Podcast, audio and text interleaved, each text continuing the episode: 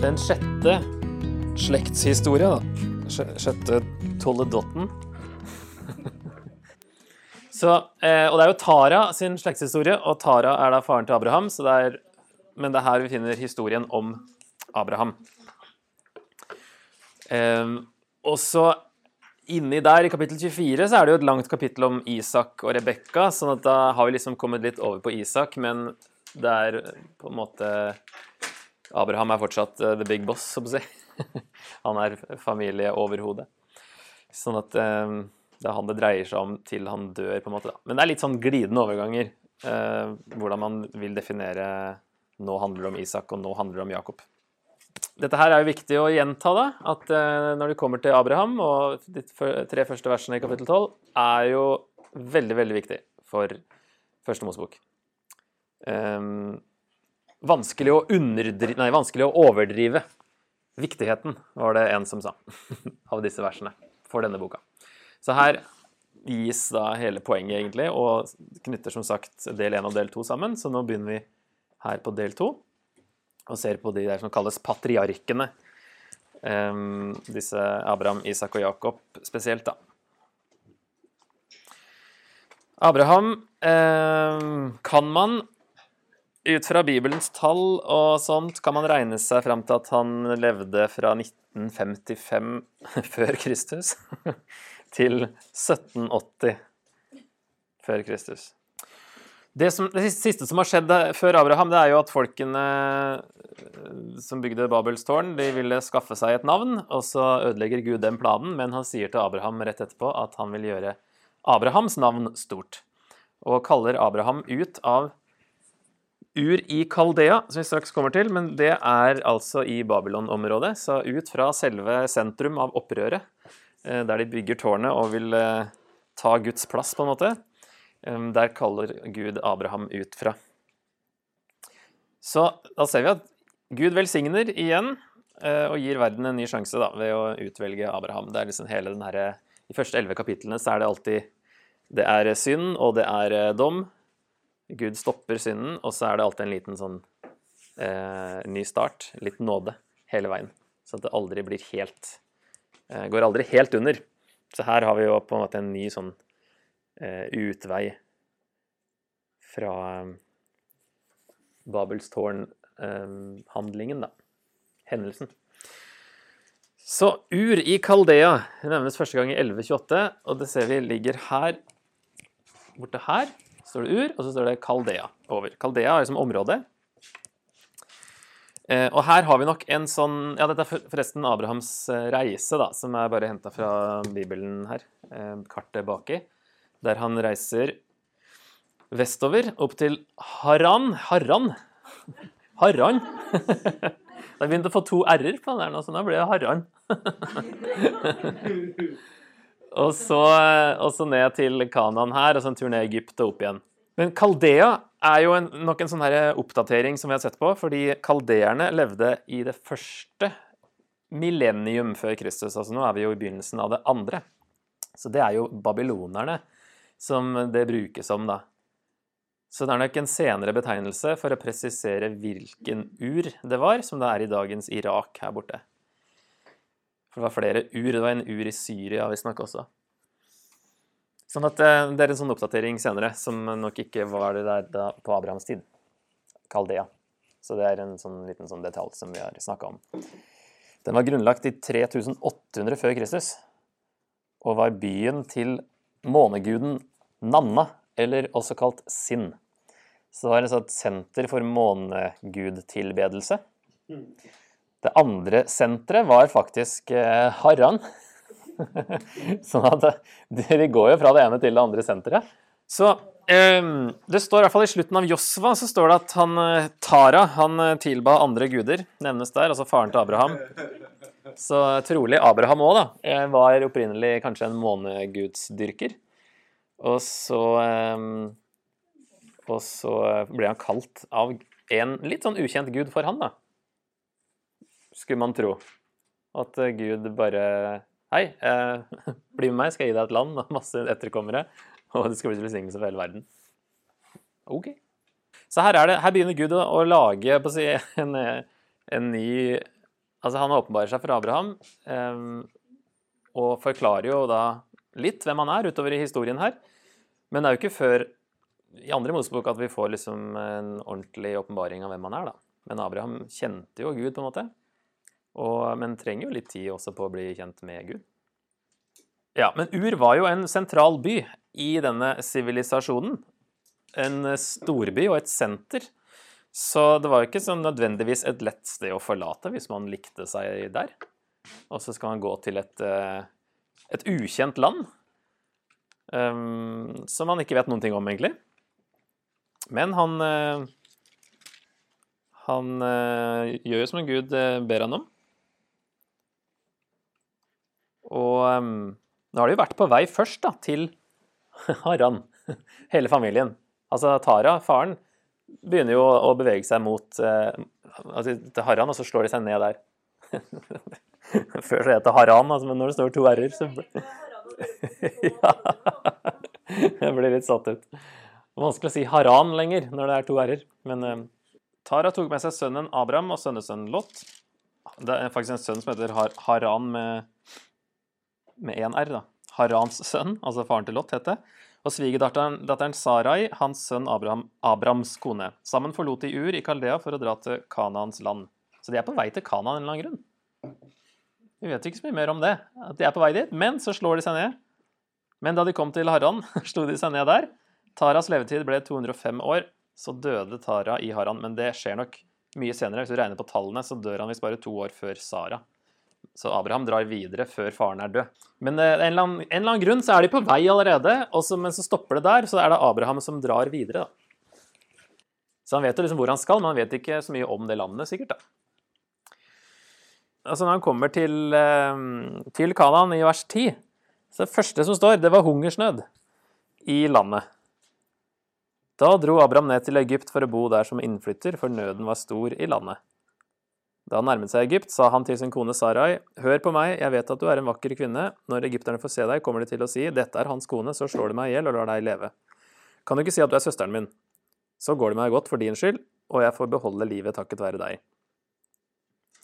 Um, så det, det er um, Altså Når vi begynner å se på Abrahams, Abrahams trosreise Nå har vi zooma litt inn på landet her. Um, så er det veldig interessant å se på hvordan responderer Abraham på Guds løfter. Hvordan reagerer han på hindringer som truer oppfyllelsen av løftene? Vil han vise tillit til at Gud kan holde det han har lovt? Så allerede hungersnød når han kommer, eller den kommer kort tid etter. I hvert fall det første som skjer når han har kommet til Kanaan, det er oi, problem. Um, og så drar han til Egypt. Kanskje vi er ment å spørre hvorfor gjør han det, da? Og hungersnød landet, da dro Abraham ned til Egypt. Um, det er jo på en måte forståelig at han tenker eh, at det er lurt å gjøre da, på et så tidlig stadium. Han vet jo ikke kanskje så mye om Gud ennå, og skjønte kanskje heller ikke så mye av hva disse løftene betydde. Så jeg tror ikke vi skal holde det imot han, at han liksom Oi, OK, her var det et problem, vi drar til Egypt. Og for leserne så har jo Egypt en veldig dårlig assosiasjon, da de er jo ut av Egypt, sant? Så når de leser det her, så er det ikke sikkert at det er sånn positivt at han går til Egypt. Um, og det skjer jo flere ganger. Det er derfor vi ender opp i Egypt på slutten av boka også, med um, Josef, da. For det er hungersnød, og så er det Egypt som har mat, og så må de dit. Um, I denne Bible back background commentary så står det at uh, det fins uh, spor av eller beviser på uh, noe sånn der 300 år tørkesykluser i eh, Kanaan, da. I hvert fall at det sammenfaller med Abrahams tid, da. Um, at uh, det er et tegn på at det har vært tørke akkurat da. Og det står det jo her, så det er jo bare en bekreftelse. Så um, kommer de ned. Uh, han ber Ja, Sara sier at hun er søsteren hans. Det er jo en halvsannhet, finner vi ut i kapittel 20, så han ikke blir drept. Um, Kanskje også tenker han at for at disse løftene til Gud om, eh, som vi da så på sant, i vers 1, 2 og 3, at uh, skal bli til stort folk og, og, sånne ting, så må vi passe på passe på ikke dø. Men setter han Sara og løftene egentlig litt i fare for å redde seg selv, kan vi lure på? Um, mulig å tolke det sånn. han har jo ikke helt skjønt før i kapittel 18 at det er Sara som skal være mora heller. Han prøver jo med Hagar. Eh, og så skjønner han etterpå at det er Sara, og da ler han jo bare. Så han tenker kanskje litt mer på seg sjøl enn Sara her. Og løftene muligens. Men det er litt sånn, det er litt sånn åpning da, når vi leser de her fortellingene, så er det åpning for å eh, undre seg litt og prøve å komme inn i Abrahams hode. Når ikke detaljene gis, så er vi lov til å liksom tenke hm, hva skjer her egentlig? Og så, når de kommer dit, så tar jo farao eh, Sara inn i haremet sitt. Så Sara blir liksom en del av alle de damene, da. Um, regner vi med at han har flere. Um, også, men Herren lot svære plager ramme farao. Det, er jo, eh, det peker framover mot uh, andre Mosebok og plagene der. Så når de som leser dette her, de er jo etter utgangen fra Egypt, så de òg vil tenke oi, her, dette var jo likt. Så det skjer noe av det samme med forfaren til folket. Han er i Egypt pga. hungersnød, akkurat som de var senere. Og så kommer de ut ved hjelp av plager. Og det skjer det samme her. Så da skjønner Herren lot svære plager ramme farao og hans hus pga. Sarai, Abrahams kone. Så skjønner farao at det er noe greier her. Hva er det du har gjort mot meg? Hvorfor fortalte du meg ikke at hun er din kone? Det har han skjønt på en eller annen måte. Hvorfor sa du at hun er din søster, slik at jeg tok henne til kone? Se, her har du din kone. Ta henne og gå. Farao påla noen menn å sende ham bort sammen med hans kone med alt han eide. Så han reddes av Gud, og han drar tilbake med større rikdom.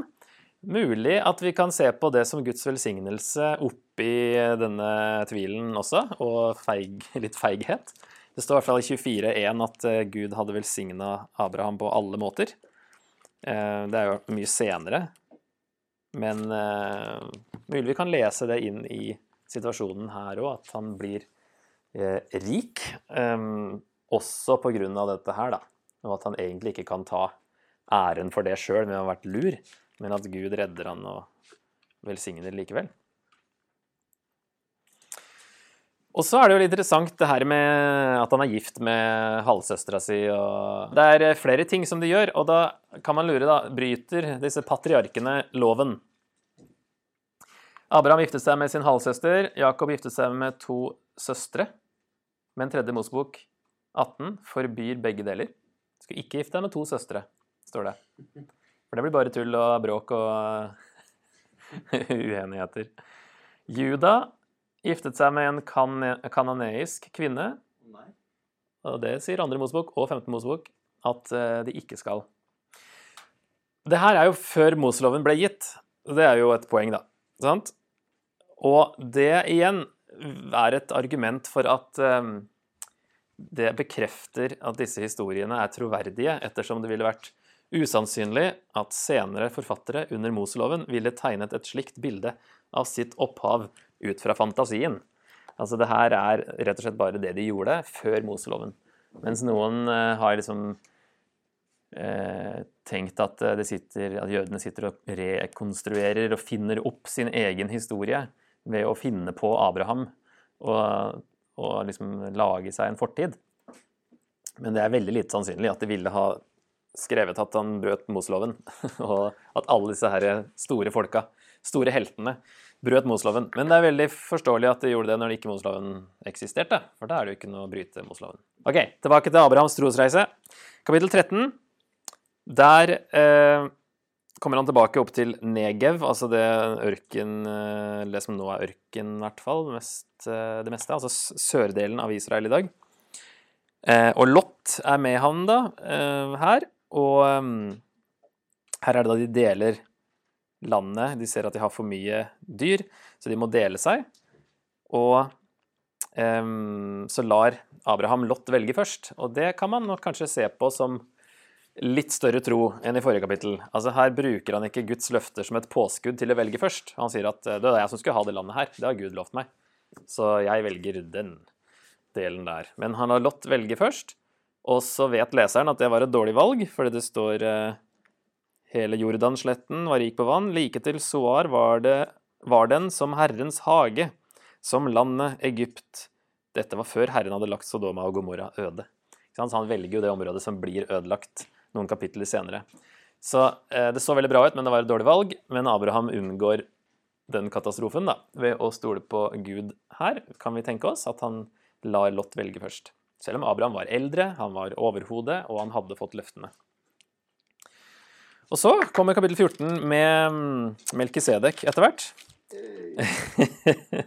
Hey. Men først er det eh, at Abraham drar etter og slår fire konger helt alene. Er det fordi han stoler på Gud, at dette går bra? Det er en sånn koalisjon, en allianse mellom fire konger, som da de tar med seg Lot, og Abraham drar etter, og han jager dem helt opp til Dan, er det ikke det? Men det er jo helt i nord. Eh, jo, vers 14. Satte etter helt til Dan, så gjennom hele landet, egentlig. Fra sør til nord følger han etter for å, for å få tak i Lot igjen. Og så kommer Melkisedek da, på vei tilbake, altså etter denne Da han har slått disse kongene, så vendte Abraham tilbake, står det i vers 17. Da dro kongen i Sodoma ut for å møte ham i Slettedalen, det som nå er Kongedalen. Og Melkisedek, kongen i Salem, kom ut med brød og vin. Han var prest for Gud den høyeste. Han velsignet ham og sa, Velsignet er Abraham av Gud den høyeste, han som brakte fram himmel og jord. Velsignet er Gud den høyeste, som har gitt dine motstandere i din hånd. Så han tolker det også som at dette var Gud som sto bak, og at kanskje Abraham òg gjorde det og stolte på at eh, dette gikk bra. Så ga Abraham ham tiende av alt. Og dette her dukker opp i hebreerbrevet, hvordan han forstår eh, at dette peker fram på Jesus. Det er et ganske finurlig argument. Jeg skal ikke ta så mye om det nå. Eh, men hvis vi leser litt videre, står det at kongen i Sodoma sa til Abraham, gi meg folkene og ta du bytte. Men Abraham sa til kongen i Sodoma, jeg løfter hånden opp mot Herren, mot Gud den høyeste, Han som brakte fram himmel og jord. Ikke så mye som en tråd eller en sandalrem vil jeg ta av alt som er ditt. Du skal ikke kunne si 'Jeg har gjort Abraham rik'. Jeg vil bare ha igjen for det de unge mennene har spist, og de mennene som var med meg, Aner, Eshkol og Mamre, må få sin del. Ok, Så Melkisedek var konge i Salem, altså i Jerusalem, mest sannsynlig. Fordi det står også Kongedalen. Det som nå er Kongedalen, det er jo Jerusalem-området. Så det virker som kongen av Sodoma og kongen av Salem, da, den gang det som ble Jerusalem etter hvert, kom ut, og kom ut og møter Abraham når han er på vei tilbake fra denne krigen. Og han var konge og prest. Det er jo det poenget som hebreerbrevet plukker opp. da, At Jesus er også konge og prest. Og så er det dette Salme 110 der det står at Jesus, Messias skal være prest til evig tid på Melkisedeks vis. Men, eh, men, her er han konge og prest, og han er prest for Gud den høyeste, som på hebraisk da El Elyon, står det da. Eh, så lurer man litt på er det navn på en gud, eller er det en tittel? Ja, veldig sprikende kilder på det, fordi om det er en kanoneisk gud eller en generell tittel. Så her eh, ble jeg ikke klok på ting, altså. Fordi en som heter Hamilton, sier at vi kjenner ikke til noen kanoneisk gud ved dette navnet. Fotnoten her står det kananeisk gudsnavn. Eh, men de tolker det som to ulike guder av Melkisedek og Abraham. For Abraham, eh, i vers 22, så, så kaller jo han Javé for Gud den høyeste. Så da må man enten si at Melkisedek snakker om en annen gud enn Abrahams gud, og begge er liksom Gud den høyeste, at det er en kanoneisk gud. Eller så har Melkisedek eh, eh, fått si, mer skjønt mer enn en vanlig eh, kananeer. Da. Um, I en inskripsjon så er El jordens gud, og Bal er himmelens gud. Så i så fall så har Melkisedek skjønt at uh, El Det betyr jo bare gud, sant? Men at det var det man kalte Det var en kananeisk gud som het El. Men det betyr jo bare gud, så det er veldig sånn generelt uansett. Men, men ingen som heter El Elion, visstnok. Uh, og av og til så er Elion en annen gud. Så det her er veldig sånn forvirrende. Uh, men i her Bible Background Dictionary Commentary så står det at det er well known as a way of referring to the chief Canaanite god El in Canaanite literature. Så de sier at det er veldig vanlig. Så her var sånn Jeg ble ikke klok på hva kildene sier. Men um, altså skaper av himmel og jord passer El, den kanoniske guden El, som var liksom den fremste guden og den eneste som beskrives som eh, jordens skaper. Men det å kalle han for Elion, det er veldig uvanlig. Og i andre tekster utenfor Bibelen så er Elion en uavhengig gud, da, og ikke El. Så um, uansett, poenget i historien er jo også å få frem kontrasten mellom kongen i Sodoma en, og, og Melkisedek. At Melkisedek er en som velsigner Abraham, og som 12.3 sier at den som velsigner eh, deg jeg vil, jeg vil, velsigne dem som velsigner deg. Og at eh, Melkisedek eh, får tiende tilbake på en måte av Abraham. da. Og Abraham beholder ingenting selv. Er det jo fordi han stoler på Gud? At det er Gud som skal gjøre han rik, og ikke en krig? Det er en kontrast vi kan se. At eh, Melkisedek gir æren til Gud, den høyeste, som Abraham forstår som Javé, og som jeg tenker eh, eh, også eh, ut fra hvordan Melkisedek brukes utover i Bibelen, bare et par ganger, men at han blir såpass positiv figur eh, at han I hvert fall en god grunn til å tenke at han kanskje eh, Altså, Gud har jo mange navn. ikke sant? Gud er bare en tittel. Han heter jo ikke Gud. sant? Sånn at eh, det går an å kalle han kan, han kan bruke El Elion, og, og, kanskje noen forsto El som en kanoneisk gud, men Melkisedek kanskje har Nei, det er en, en høyere gud. Eh, og at han kanskje har samme gudsbilde eller gudsforståelse, men ikke samme navn. da. Han har ikke hørt om Javé som navn. Det er, men det er litt sånn, ja, jeg var overraskende at det var så sprikende i kommentarene og i hva vi liksom vet om eh, kanoneiske gudsnavn. Men kapittel 15 til 17 det er det som kalles da sentrum i Abrahamsfortellingen. Her eh, kan vi si at det er en sånn sandwich her også. I hvert fall litt sånn at eh, Lot spiller en viktig rolle. I hvert fall eh, er han med da, i kapittel 13 og 14. Og i kapitlene etterpå 18 og 19. Så noen ser en sånn sandwich her. At uh, nå er det litt fokus på Abraham i midten, og så er det tilbake til Abraham og Lot og sånt etter det. Og her er det noen viktige vers som brukes mye i, gamle, i Nytestamentet. Ehm, etter at dette hadde hendt, altså denne krigen og Melkisedek og sånt, kom Herrens ord til Abraham i et syn. Vær ikke redd, Abraham, jeg er ditt skjold. Lønnen din skal bli stor. Ehm, men Altså, lønnen din skal bli stor, sier Gud da. Men Abraham svarte, Herre min Gud, hva vil du gi meg? Jeg går jo barnløs bort, og Elieser fra Damaskus er arving i mitt hus. Og Abraham sa, Du har ikke gitt meg etterkommere. Se, en av husfolkene mine skal arve meg. Da kom Herrens ord til ham, Han skal ikke arve deg, men en av ditt eget kjøtt og blod skal arve deg. Så førte han Abraham ut og sa til ham, Se opp mot himmelen og tell stjernene, om du kan telle dem. Og han sa, Så tallrik skal etten din bli. Abraham trodde Herren, og det ble regnet ham til rettferdighet. Det har vi vers 6 er et veldig viktig vers for Paulus spesielt, og for oss også, da.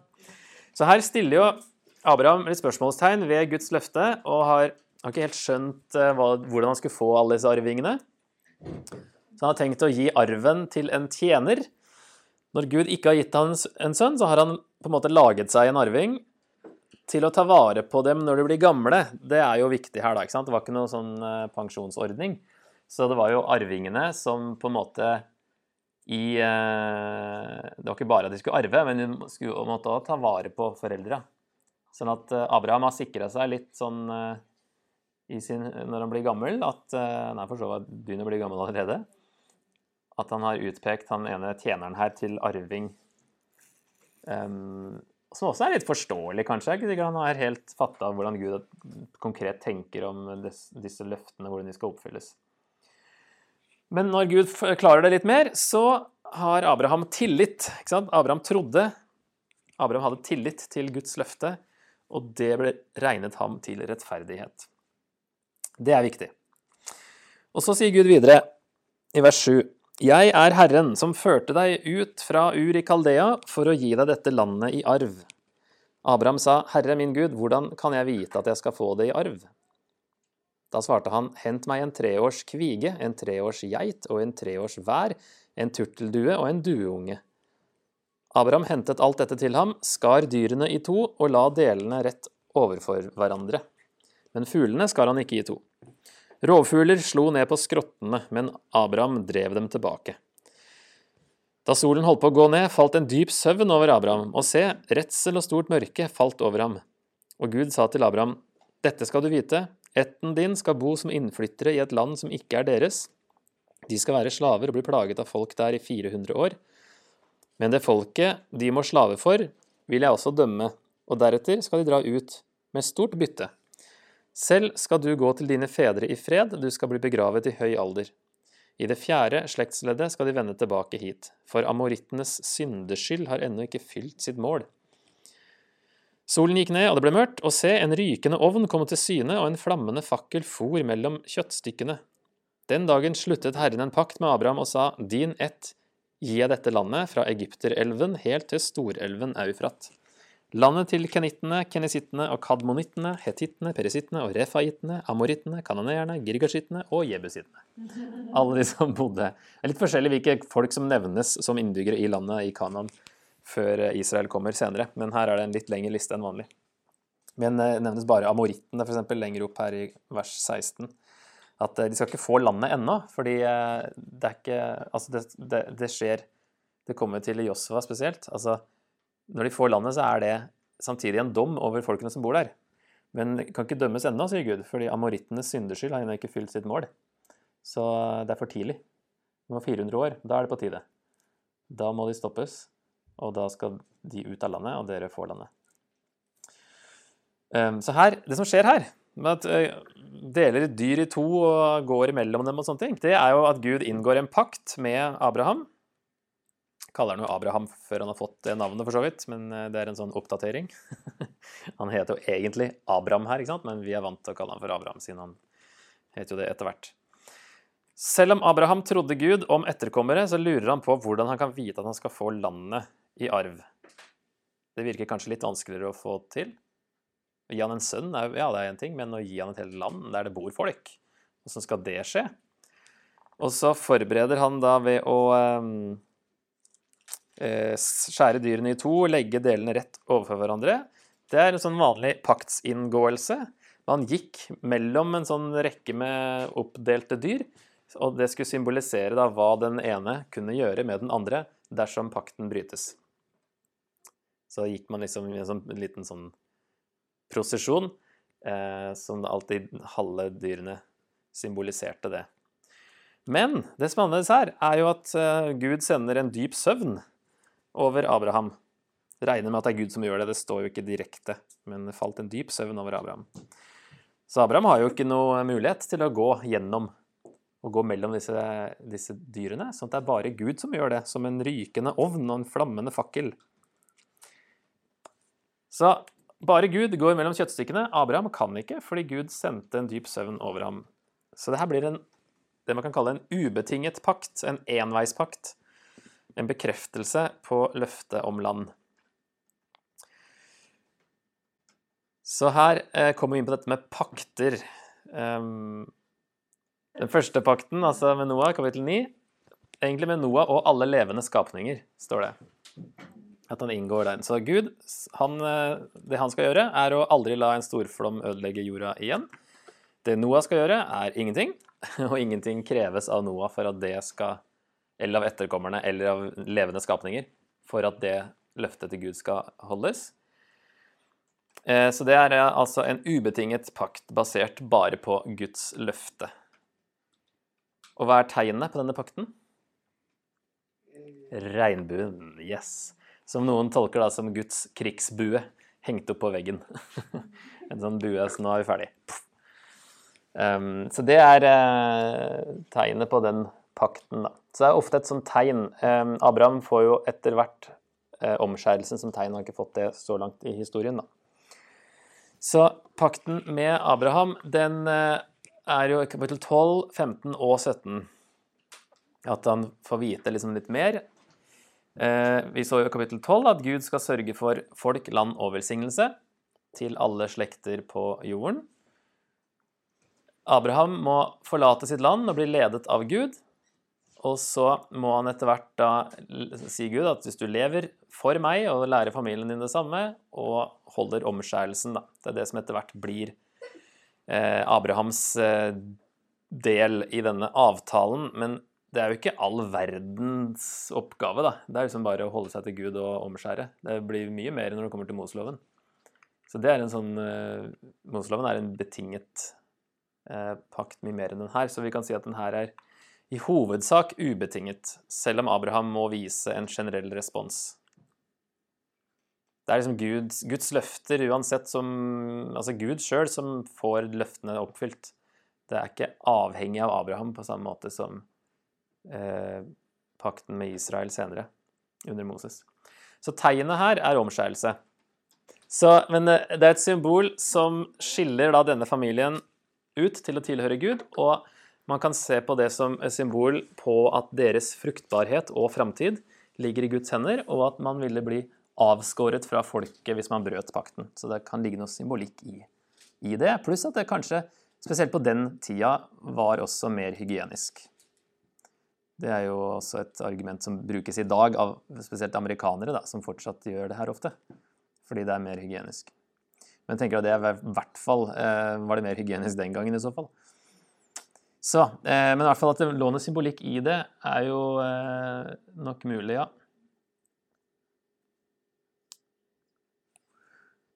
Um, og så er det pakten med Israel, da. Uh, den gamle pakt er jo det. Så det er greit å få litt orden på hva som er hva her. Den gamle pakt er egentlig bare Moseloven, sant? som de inngår i 2. Mosebok 24.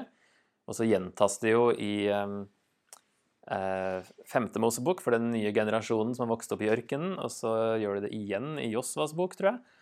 Så det er en sånn bekreftelse på pakten hele veien, men den inngås først da i 2. Mosebok 24.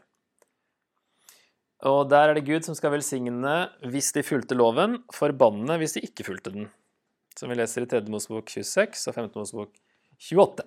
Der er det en, et sånn vanlig pakt som om to mennesker inngår pakt med hverandre og gikk gjennom en sånn her prosesjon mellom disse halve dyrene, så skrev man ofte da et dokument, eh, eller i hvert fall ble enige om eh, hva de skulle gjøre, ut fra hvor den, andre holdt den avtalen eller ikke.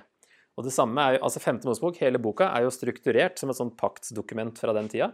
Og på slutten av sånne dokumenter så kom det velsignelser og forbannelser, som det egentlig bare betyr um, ulykker, da, forbannelser. Det er jo ikke noe sånn Det er ulykker mer enn negative åndelige opplevelser. Så det er mangel på sant, dårlige avlinger, villdyr angriper, fiender angriper, sykdommer, sånne ting, som, som, skulle fungere som et tegn på at de var borte fra Gud og skulle tilbake til Gud. Eh, Det er ikke det at Gud har så lyst til å straffe, men at det skulle få dem til å våkne opp og skjønne at nå er de borte fra pakten. Eh, Men så kan han velsigne masse hvis de holder loven. Så den er betinget en annen type pakt, som de eh, inngår med Gud og sier ja, vi vil gjøre alt Gud sier, og så gjør de veldig lite av det Gud sier. Så Israel må altså følge Moseloven. Den er en betinget pakt, og tegnet på den virker som det er sabbaten, faktisk. At det er et Altså omskjærelse er Abrahamspakten, som alle jøder, og for så vidt alle etterkommere av Abraham, eh, skulle holde. Mens, eh, og det knyttes jo veldig til Moseloven, for det er jo en, en del av Moseloven. Men, eh, men egentlig så høres det ut som at det er sabbaten som er hovedtegnet. Vi se hva det står her i 2. Mosebok 31, 12. Du skal si til israelittene, mine sabbater skal dere holde, for sabbaten er et tegn mellom meg og dere i slekt etter slekt, for at dere skal kjenne at det er jeg, Herren, som helliger dere. Så det står litt mer om sabbaten, da. Um, og den som ikke holder sabbaten, den skal støtes ut av folket. Så det høres ut som at det er en spesielt viktig sak som kan ses på som tegnet. Så det syns jeg var greit å få litt oppklaring i. At det er forskjellige tegn til de forskjellige paktene. Og at Moseloven, altså gamle pakt, var jo, det så vi i Galaterbrevet, den var tidsbegrensa fra Moses til Jesus, mens Abrahams, løftet til Abraham om at eh, velsignelsen skulle komme til hele verden, den var før Moses, og den oppheves ikke av denne pakten. Og det er den som liksom er den som Jesus oppfyller, og som gjelder for oss, da, at vi er frelst ved tro. Og loven er egentlig irrelevant, for den er oppfylt av Jesus. Og så eh, er det jo kapittel 16, da, eh, med Hagar og Ismail her. Eh, Abraham er 85 år nå, det er gått ti år. Han har fortsatt ingen barn. Det er ganske menneskelig å begynne å lure på hva Gud egentlig mente. Skal få masse etterkommere. Han får skjønt det, da, at han ikke skulle lage seg sin egen etterkommer med en tjener. Det skal være faktisk en av hans kjøtt og blod. Men han har ikke skjønt at det er Sara som skal være mora, så Sara er jo hun som har ideen om å bruke denne egyptiske eh, slavekvinnen som de har, eh, som da ville på en måte bli, siden det var Saras sin eh, tjener, så ville barnet bli Sara sin. Det var liksom sånn det var den gangen. Så det er en god idé, tenker de. Så de eh, prøver jo å oppfylle Guds løfter på sin måte og ved hjelp av egne muligheter. Og så er det overraskende og veldig fin historie, egentlig, at eh, Gud ser Hagar, redder henne og vil gjøre hennes slekt stor. Og det står altså hun i vers 13 står det Da satte hun dette navnet på Herren som har talt til henne. Du er en Gud som ser meg.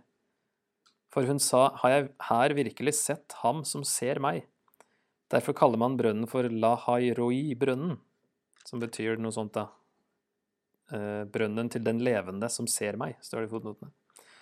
Den ligger mellom Kadesh og Bered. Så det er jo veldig eh, mye nåde her òg, da. Hun er ute i ørkenen alene eh, blitt jagd ut. Men engelen her da sier at vi skal dra tilbake.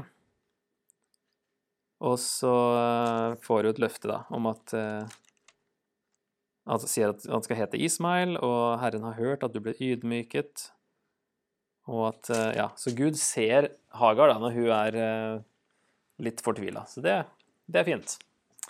Um, og så blir Eh, Ismail født på slutten av kapittelet. Abraham var 86 år gammel da Hagar fødte ham Ismail. Da kan vi jo lure på, Lever han lykkelig i 13 år i uvitenheten om at det egentlig er gjennom Sara at løftet skal oppfylles? Tror han at det har blitt oppfylt nå? I hele 13 år? um, og så er det jo en sandwich her, 15-17 nå, at det har Guds løfter og pakt i 15 og 17, og så har du Abrahams menneskelige innsats imellom, i kapittel 16. Så kapittel 17, da. Da er det 13 år senere, og der inngår Gud en pakt med Abraham som skal garantere mange etterkommere. Der sier han um, åpenbarer seg for Gud der i starten, nei, for Abraham i starten og sier 'Jeg er Gud, den veldige. Lev for mitt ansikt, vær hel i din ferd. Jeg vil slutte en pakt mellom meg og deg og gjøre deg umåtelig stor.' Da kastet Abraham seg ned med ansiktet mot jorden, og Gud sa til ham, Se, dette er min pakt med deg. Du skal bli far til en mengde folkeslag. Du skal ikke lenger kalles Abraham, men Abraham skal navnet ditt være. For jeg gjør deg til far for mange folkeslag, som det er det Abraham betyr.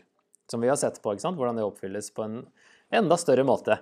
Med at alle som tror, blir Abrahams barn, og alle folkeslag, alle hedninger, er Abrahams barn når de tror på Jesus.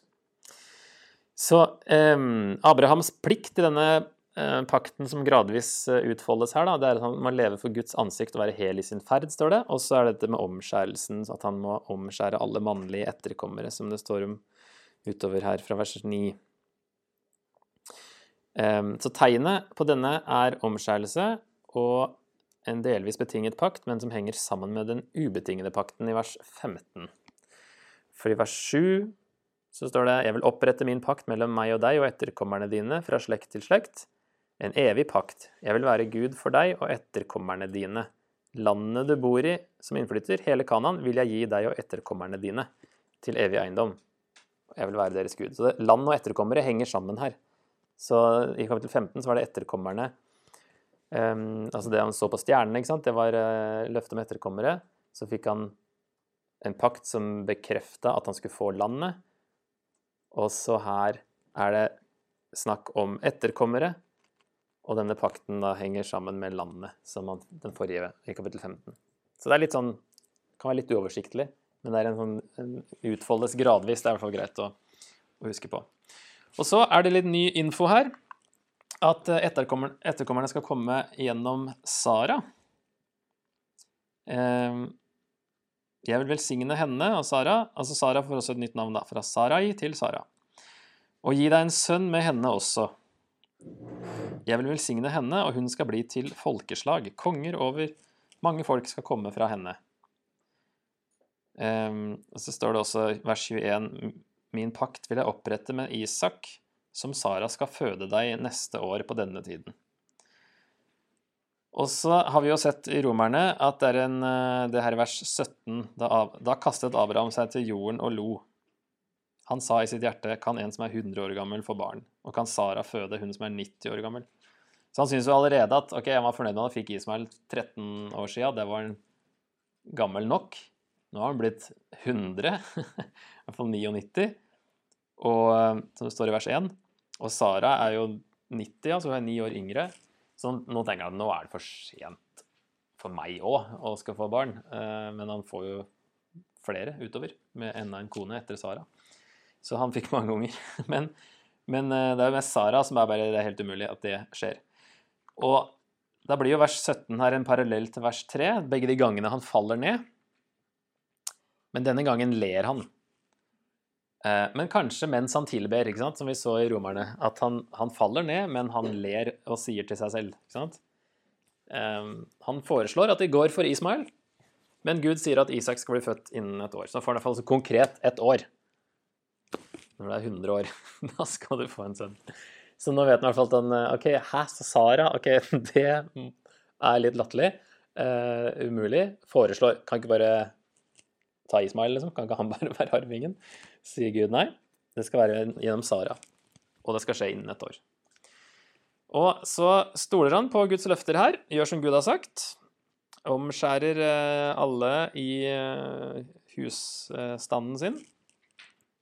Så han eh, viser jo tro her. Og som vi også så i Romerne, at han er allerede rettferdiggjort fra kapittel 15. Og det holdt, selv om han tvilte her, at eh, det vi snakka om da, at det var rom for tvil i troen. Og Abraham er jo på en reise her med å forstå hvordan det her henger sammen. Han får liksom mer og mer informasjon. Um, så vi kan forstå at han eh, vakler litt, da.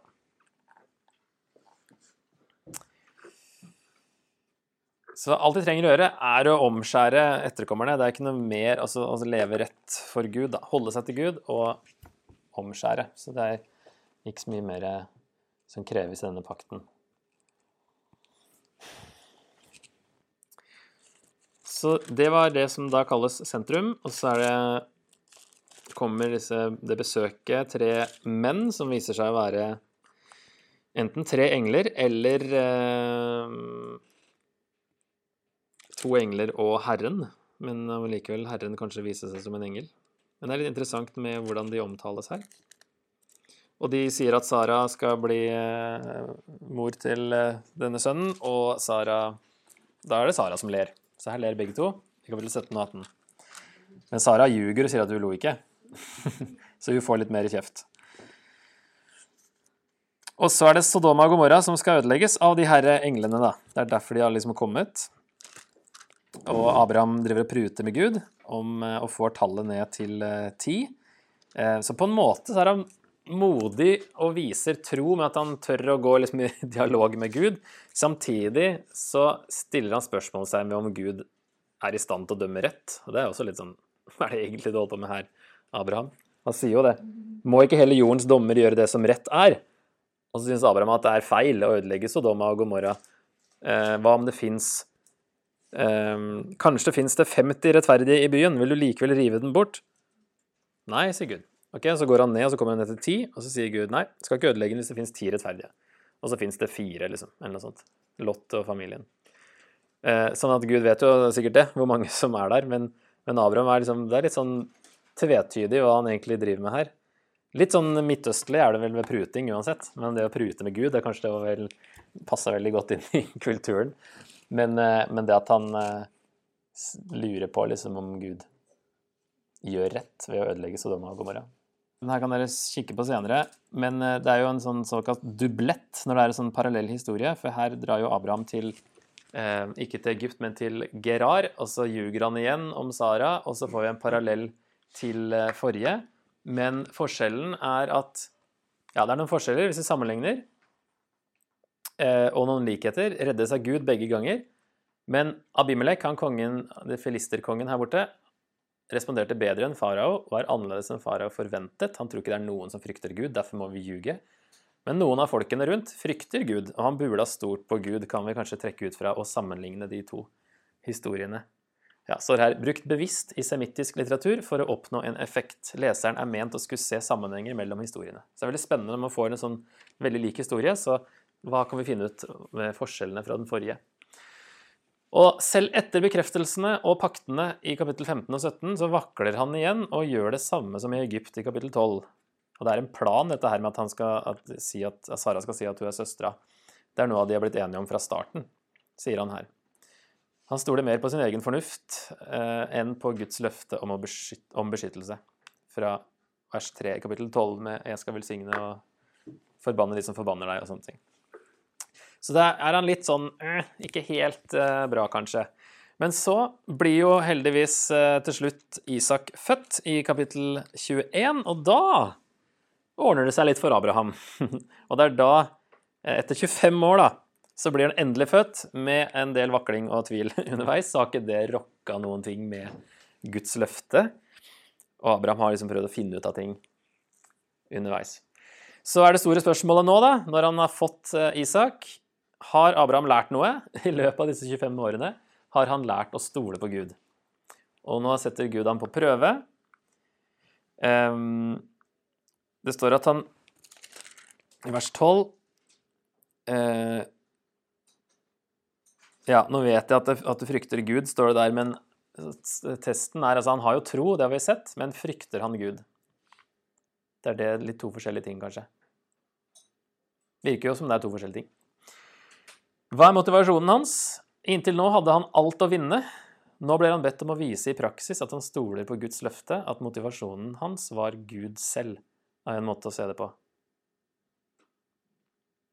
Um, til nå så har han liksom ikke helt hengt med på hva Gud har tenkt, men likevel fått bare velsignelser og goder ut av det.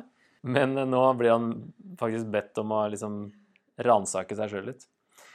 Men hvorfor må Gud teste Abraham? Vet ikke Gud alt? er jo et spørsmål vi kan eh, stille oss.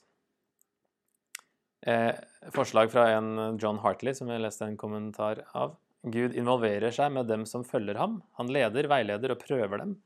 Han undersøker mennesker for å utvikle visse ønskede egenskaper. Og Det siste der er vel kanskje det Altså, Gud trenger jo ikke å teste folk, men han gjør det likevel. Men det er kanskje mest for vår, vår skyld, da. At uh, vi skal innse noe om oss sjøl, om Gud, om troen vår.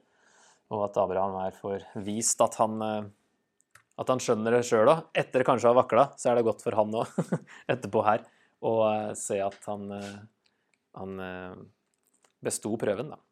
Vi vet jo at Og leserne vet jo ut fra Moseloven at Gud eh, vil på ingen måte ha menneskeofringer. Så det, vet, det visste kanskje ikke Abraham. Det var mer vanlig for han å tenke at det krevde gudene. Men det er ikke Det er langt ifra det Gud Da går han jo kraftig imot at de ofrer sine egne barn og sånt i andre religioner, og det er jo det han dømmer. Sånn at det er jo en litt sånn, Hadde Abraham hatt Moseloven, så hadde han skjønt at dette var en test. men det gjør han jo ikke, da. Um, men han svarer 'her er jeg' to ganger, og det er et sånt uttrykk som kan uttrykke total overgivelse. Liksom, 'Her er jeg, jeg gjør hva som helst'. Uansett hva du sier, så gjør jeg det. Og det sier han hver gang Gud roper, eller engelen roper, da, så, så svarer han 'Her er jeg'. Whatever you say. Og her går han ikke i sånn her forbønnspruting som for Sodoma. Ehm, her stoler han mer på at eh, det Gud sier, det, det er riktig, selv om det er helt fælt. Og for Abraham bare Hæ, nå har vi jo endelig fått, fått Isak, så skal vi drepe han, liksom. Så, men, han, men virker som han litt mer at han eh, Ja, her er Gud. OK, Gud. Greit. Men han sier 'Vi kommer tilbake', sier han til eh, de tjenerne som de forlater. Um, sånn at det virker som han har Enten så er det bare for å late som, eller så, så har han tro på at et eller annet ordner seg her. Jeg og gutten vil gå bort dit og tilbe, og så kommer vi tilbake til dere, sier han. Og så sier han nå, når Isak spør eh, hvor er eh, brennofferlammet, så svarer Abraham at Gud vil selv se seg ut et brennofferlam, sønnen min. Og så gikk de sammen, de to. Det blir den derre Historien bremser opp, og du får liksom, det går veldig sakte. Du kjenner liksom sånn skritt for skritt opp til fjellet. Og gikk de sammen, de to. Og så starter du, ikke sant, ta, ta din sønn, den eneste, Isak, han du elsker, og dra til landet Moria. Der skal du ofre ham. Det var sånn der, for å understreke liksom Eneste sønnen, han du elsker. Men så består han testen og viser da at han frykter Gud, har eh, tillit til at Gud vet best, og han gjør det Gud sier. Og så får vi litt ekstra info, info fra hebreerne 11. Der skriver forfatteren at eh, Abraham da regnet med at Gud har makt også til å vekke opp døde. Derfor fikk han sønnen tilbake. Og i dette ligger et forbilde. Um, så for sånn han forstår det, forfatteren i Hebrevbrevet, at Abraham eh, hadde såpass tillit til Gud at selv om han drepte Isak, så kunne han vekkes opp igjen. Eller at han tenker at noe annet eh, Han vet jo hva Gud har sagt, men likevel så har han liksom spor av tro da, i historien her. Og så ser vi også i andre krønikebok 3.1 så står det at så begynte Salomo å bygge Herrens hus i Jerusalem på fjellet Moria der Abraham er her. Er det samme sted? Det er vel en interessant teori. I og med at det ligger et forbilde i dette her, som det sier i hebreerne. Og ordet bak der er eh, ordet for lignelse på gresk. Sånn at Ta siste punktene. Det er naturlig å se denne historien som et frampek på Jesu offer, noe kirkefedrene gjorde, selv om vi får det ikke tydelig forklart i Nytestamentet, utover det at det ligger et forbilde her, en lignelse. Eh, og at tempelet ble bygd på samme sted, eh, kanskje, hvis det er samme Moria. Og av Jesus Jesus døde og sto opp igjen i det samme området. Litt utafor byen, for så vidt. Men eh, punkter da, som peker framover, er at Gud ber Abraham gjøre det som Gud selv kommer til å gjøre, på ca. samme sted senere. Ta din sønn, den eneste, han du elsker. Akkurat det Gud gjør senere. Abrahams lydighet peker fram mot Jesu lydighet, som er klar til å gjøre hva som helst. Og væren tar plassen til Isak, altså stedfortredende også som skjer når de, når de plutselig ser en vær som sitter fast i et kratt. Så tar det, tar det plassen til Isak. Så det er de tre punktene der. Så viser kapittel 22 at Abraham på en måte har kommet i mål på trosreisen etter noe vakling viser han her at han stoler fullt og helt på Gud. Så det er jo Isak en ordentlig mirakelsønn som gjør at hver gang Abraham ser på Isak, så husker han eh, hva Gud har gjort. Og eh, at det som så helt umulig, umulig ut, det, det, var faktisk det Gud har tenkt. Og de forsøkene til Abraham med både Eliasar, han, Eli, ja, Elieser, arvingen, og eh, Ismail, det var ikke sånn Gud hadde tenkt. I kapittel 23 så er det den eh, forhandlingen der han eh, ikke vil kjøpe Eller han vil kjøpe denne herre grav, uh, graven der han skal gravlegge Sara, for hun, hun dør jo her i starten av kapittel 23. Og så vil han ha en gravplass, og så, og så er det en litt sånn der fram og tilbake med de her hetittene. De vil bare gi han dette området, men Abraham eh, står på det at han vil kjøpe det. Så, men det som virker som skjer her, er at Abraham da ikke vil stå i gjeld til de her hetittene, det folkeslaget som han eh, er i dialog med her. Og det virker som at han stoler på Guds løfte om at landet vil tilhøre hans etterkommere etter hvert, uansett. Så han vil ikke lage en sånn relasjon med de hetittene som kan bli vanskelig etter hvert. da. Og det her blir jo da kanskje den første delen av landet som han eier, bortsett fra kanskje noen av de brønnene i kapittel 21, er det det? Ja, den pakten som han inngår der med han Abimelek-kongen. Så i hvert fall han eh, får liksom retten til dette. Denne gravplassen her, som han sjøl også blir begravd på senere. Ja, for her er det jo eh, For oss som leser fra vestlig perspektiv, så er det rart at ikke Abraham vil ta imot denne gaven. sant? Men uh, i den kulturen så vil han stå i gjeld til uh, han hetitten her. Fordi han har fått denne gaven. Så det er, en, det er, liksom ikke no strings attached når du får en gave i full offentlighet. Og det vil Abraham unngå her. Så han vil nei, jeg skal betale. Og så kommer jo også prisen fram på en sånn indirekte måte òg. Et jordstykke som vært 400 shekel sølv, hva er vel det mellom deg og meg? Ikke sant? Så sier han det for sånn indirekte hvor mye han da i så fall ville tatt for dette jordstykket. Så det her er et veldig klart eksempel på en helt annen kultur, ja. Og veldig lenge siden er det også. Så er det kapittel 24. Det er jo et langt uh, kapittel om hvordan Isak uh, treffer Rebekka. Og her er det dette med at um, ja, Abraham, Abraham, vil at Isak ikke skal gifte seg med en kananeer. Og det er nok fordi Abrahams etterkommere skulle bli et nytt folk, og at han da måtte gifte seg med en som allerede var eh, i samme slekt. Så derfor er det en slektning her, og derfor eh, kan ikke han liksom gifte seg med hvem som helst. Så det virker som om Abraham da stoler på Gud her òg, at han vet at dette her skal bli et nytt folk.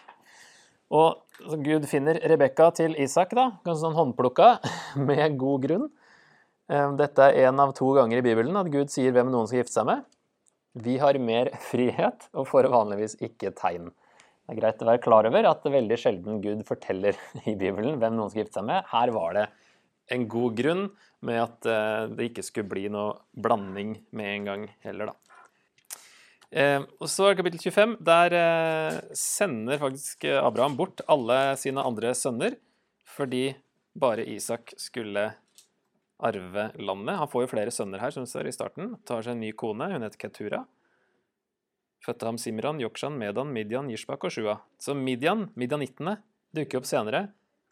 Eh, og eh, svigerfaren til Moses er jo en midianitt, og han kjenner til Abrahams gud. For det er jo en etterkommer av Abraham, han også. Så det sprer seg nok litt utover sånn her da, at flere av de folkeslagene kjente til Abrahams gud, for de hadde Abraham som forfar. Um, og så, ja, så står det han ga uh, Mens han ennå levde, står det i vers 6, sendte han dem bort fra Isak, sønnen sin, til et land i øst. Så kanskje for at det var Isak som skulle arve landet, og uh, sender han de andre bort til andre steder. Så for å oppsummere Abraham, så um, velges han ut for å bli et stort folk, som velsignelsen til hele verden skulle komme fra. Så her ser vi da Guds store plan begynner for alvor her, med å lage et folk som skal føre til en velsignelse. Abraham er den store troshelten i NT, den første som Bibelen sier ble rettferdiggjort ved tro. Og det er jo det som er poenget til Paulus. da. Der har han et tekstbevis for at eh, noen ble rettferdiggjort ved tro lenge før Moses. Og så er det jo kanskje flere før Abraham òg, Noah f.eks. Men, og Enok, ikke sant? Men, eh, og Sett, kanskje. Men at det er første gang det står tydelig da, at Abraham trodde Gud og det ble regnet ham til rettferdighet. Så vi er rettferdiggjort på samme måte og kalles derfor Abrahams barn. Men vi har sett Abrahams tro er ikke alltid stødig, og han stoler ikke like mye på Gud alltid. Likevel mister han ikke rettferdiggjørelsen. Det gjør ikke vi heller. Han må vente 25 år før løftet om en sønn med Sara blir oppfylt, og lærer å stole på Gud i mellomtiden. En oppmuntring til oss når vi må vente på Gud. Er det noen likheter mellom Abrahams trosreise og din egen? Hva kan du lære av eller bli oppmuntret av?